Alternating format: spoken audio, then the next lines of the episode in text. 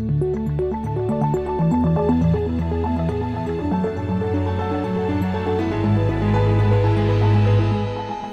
This Morning.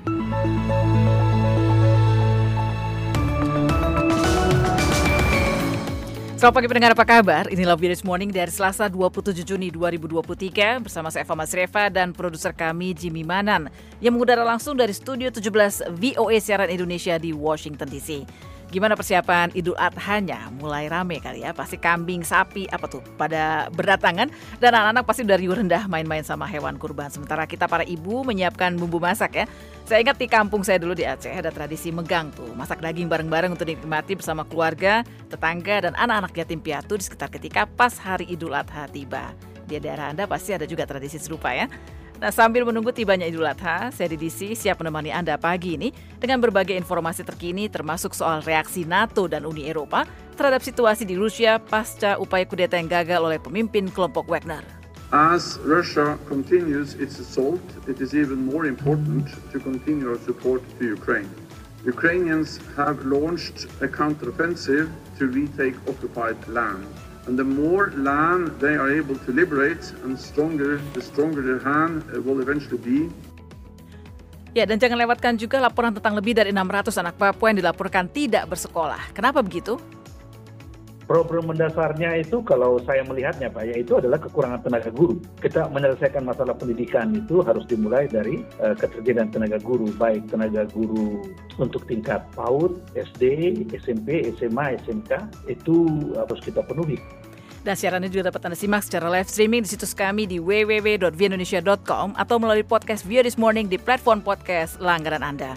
Langsung saja kita awali pagi ini dengan berita dunia bersama Madayoni. Presiden Joe Biden Senin mengatakan bahwa internet berkecepatan tinggi bukan lagi barang mewah tetapi kebutuhan mutlak. High-speed internet isn't a luxury anymore, it's become an absolute necessity. That's why we acted as soon as we did, as soon as we came to office with the American Rescue Plan. Ia berjanji bahwa setiap rumah tangga di Amerika pada tahun 2030 akan memiliki aksesnya dengan menggunakan kabel-kabel yang dibuat di Amerika. Investasi ini akan membantu semua orang Amerika, kata Biden. Kita tidak akan meninggalkan siapa pun.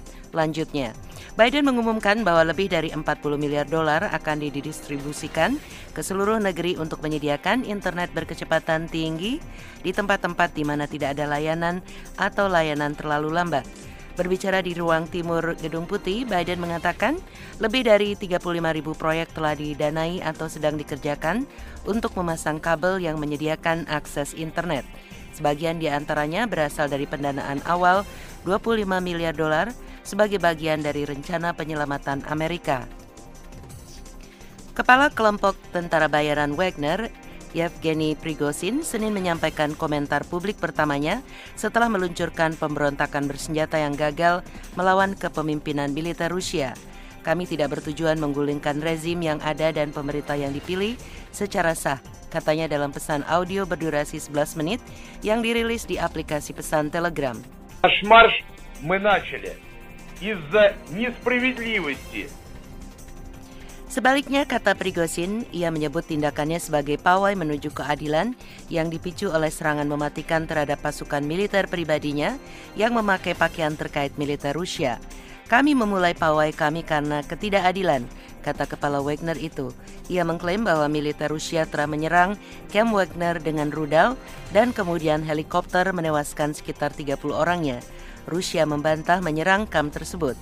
Prigozhin mengklaim kelompok Wagner adalah kekuatan tempur paling efektif di Rusia dan bahkan di dunia.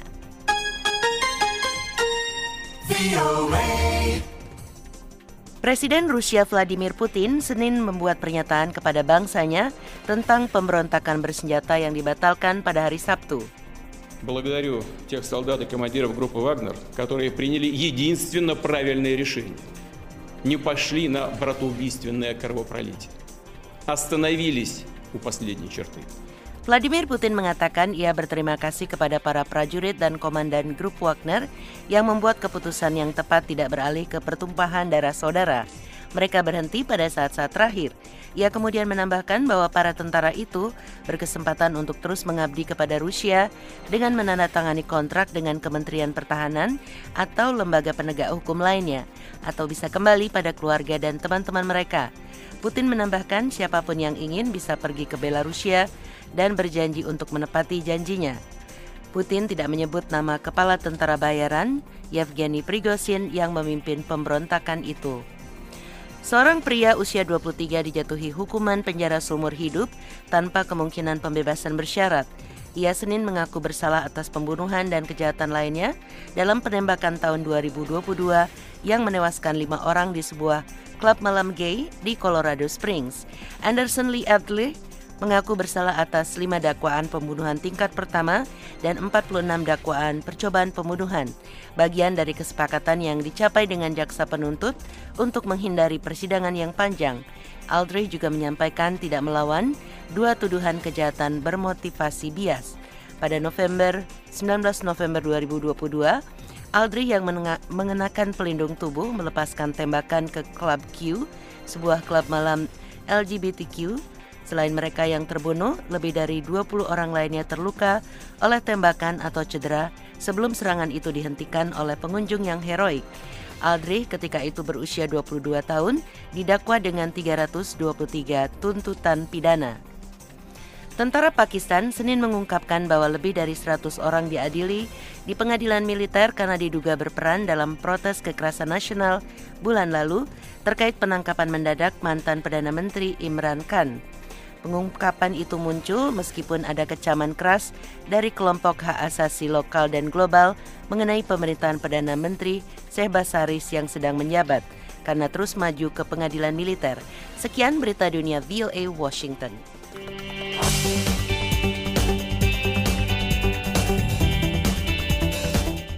Pendengar Sekjen NATO Jens Stoltenberg mengatakan persekutuan yang dipimpinnya mencermati dengan seksama situasi di Rusia dan menekankan pada kesalahan yang dibuat oleh Presiden Rusia Vladimir Putin. Berikut laporannya. Kata Stoltenberg, kejadian pada akhir minggu merupakan masalah dalam negeri Rusia. Tetapi ditambahkannya, itu juga merupakan bukti lain dari kesalahan strategis yang dibuat Presiden Putin dengan aneksasi ilegal dari Crimea dan perang terhadap Ukraina. As Russia continues its assault, it is even more important to continue our support to Ukraine.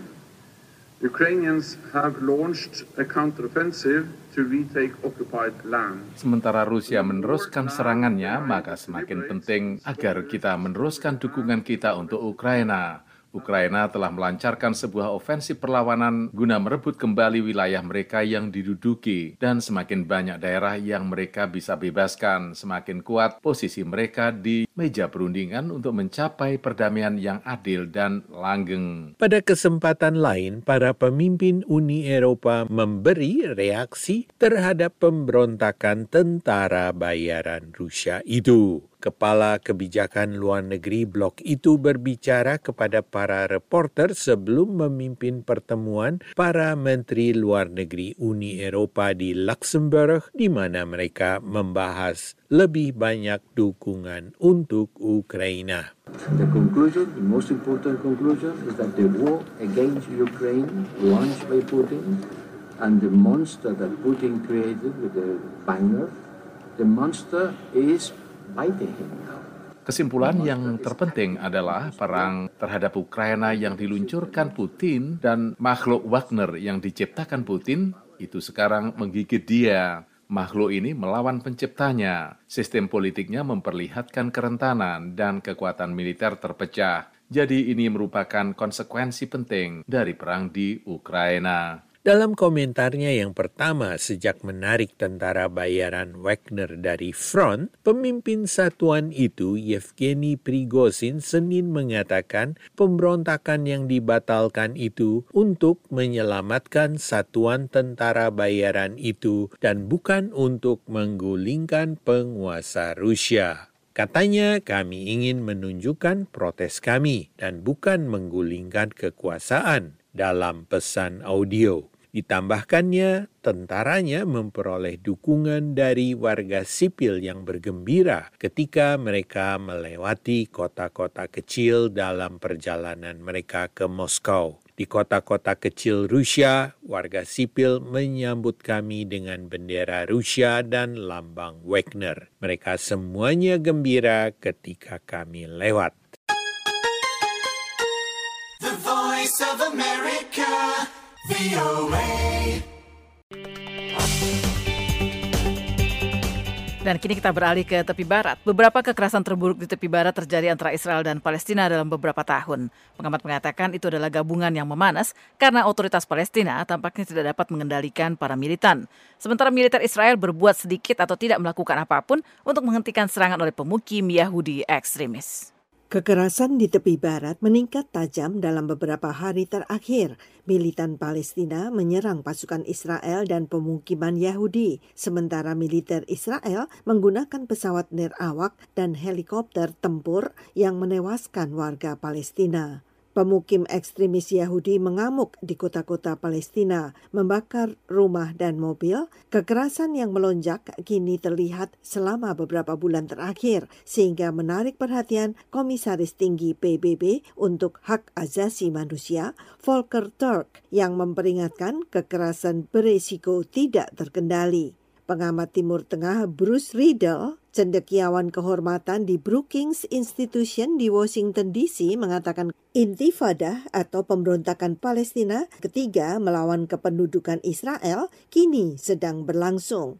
Intifada pertama berkecamuk tahun 1987 hingga 1993 dan yang kedua dimulai pada tahun 2000. Intifada ketiga telah tiba. Kekerasan meningkat di tepi barat bagian utara, tetapi juga di tempat-tempat lain. Salah satu unsur yang paling mengganggu adalah kita melihat senjata kini tersedia di tempat-tempat seperti Nablus dan Jenin. Pada masa lalu, sangat sulit bagi warga Palestina memperoleh akses ke senjata otoritas Palestina tidak dapat mengekang militan karena tidak memiliki kekuasaan di antara warga awam Palestina. Situasinya sudah memanas untuk mengarah ke dalam kekacauan. Pemerintahan Israel yang sangat berpaham kanan, anggotanya menyerukan operasi militer skala besar di Jenin, penggunaan kekuatan udara dan kepemimpinan Palestina yang sangat lemah sekarang. Sebaliknya, mereka mempunyai pasukan yang bangkit di Jenin dan Nablus, yang tampaknya jauh lebih mengarah pada Hamas dan Jihad Islam Palestina daripada gerakan nasional Fatah seperti sebelumnya. Hanan Ashrawi yang pernah menjadi juru bicara resmi Palestina dalam proses perdamaian Timur Tengah mengatakan kepada lembaga perdamaian Carnegie Endowment baru-baru ini mengkritik tindakan Israel yang merusak aspirasi Palestina. Tetapi kepemimpinan Palestina juga salah urus dan terpecah. Puspita Sariwati, VOA, Washington.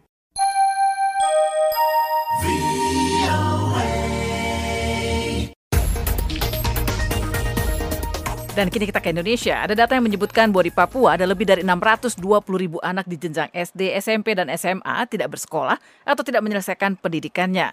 Penyebabnya kompleks dan dibutuhkan kecermatan untuk mencari jalan keluar karena ada berbagai keterbatasan. Kita simak laporan Nur Hadi Sucahyo.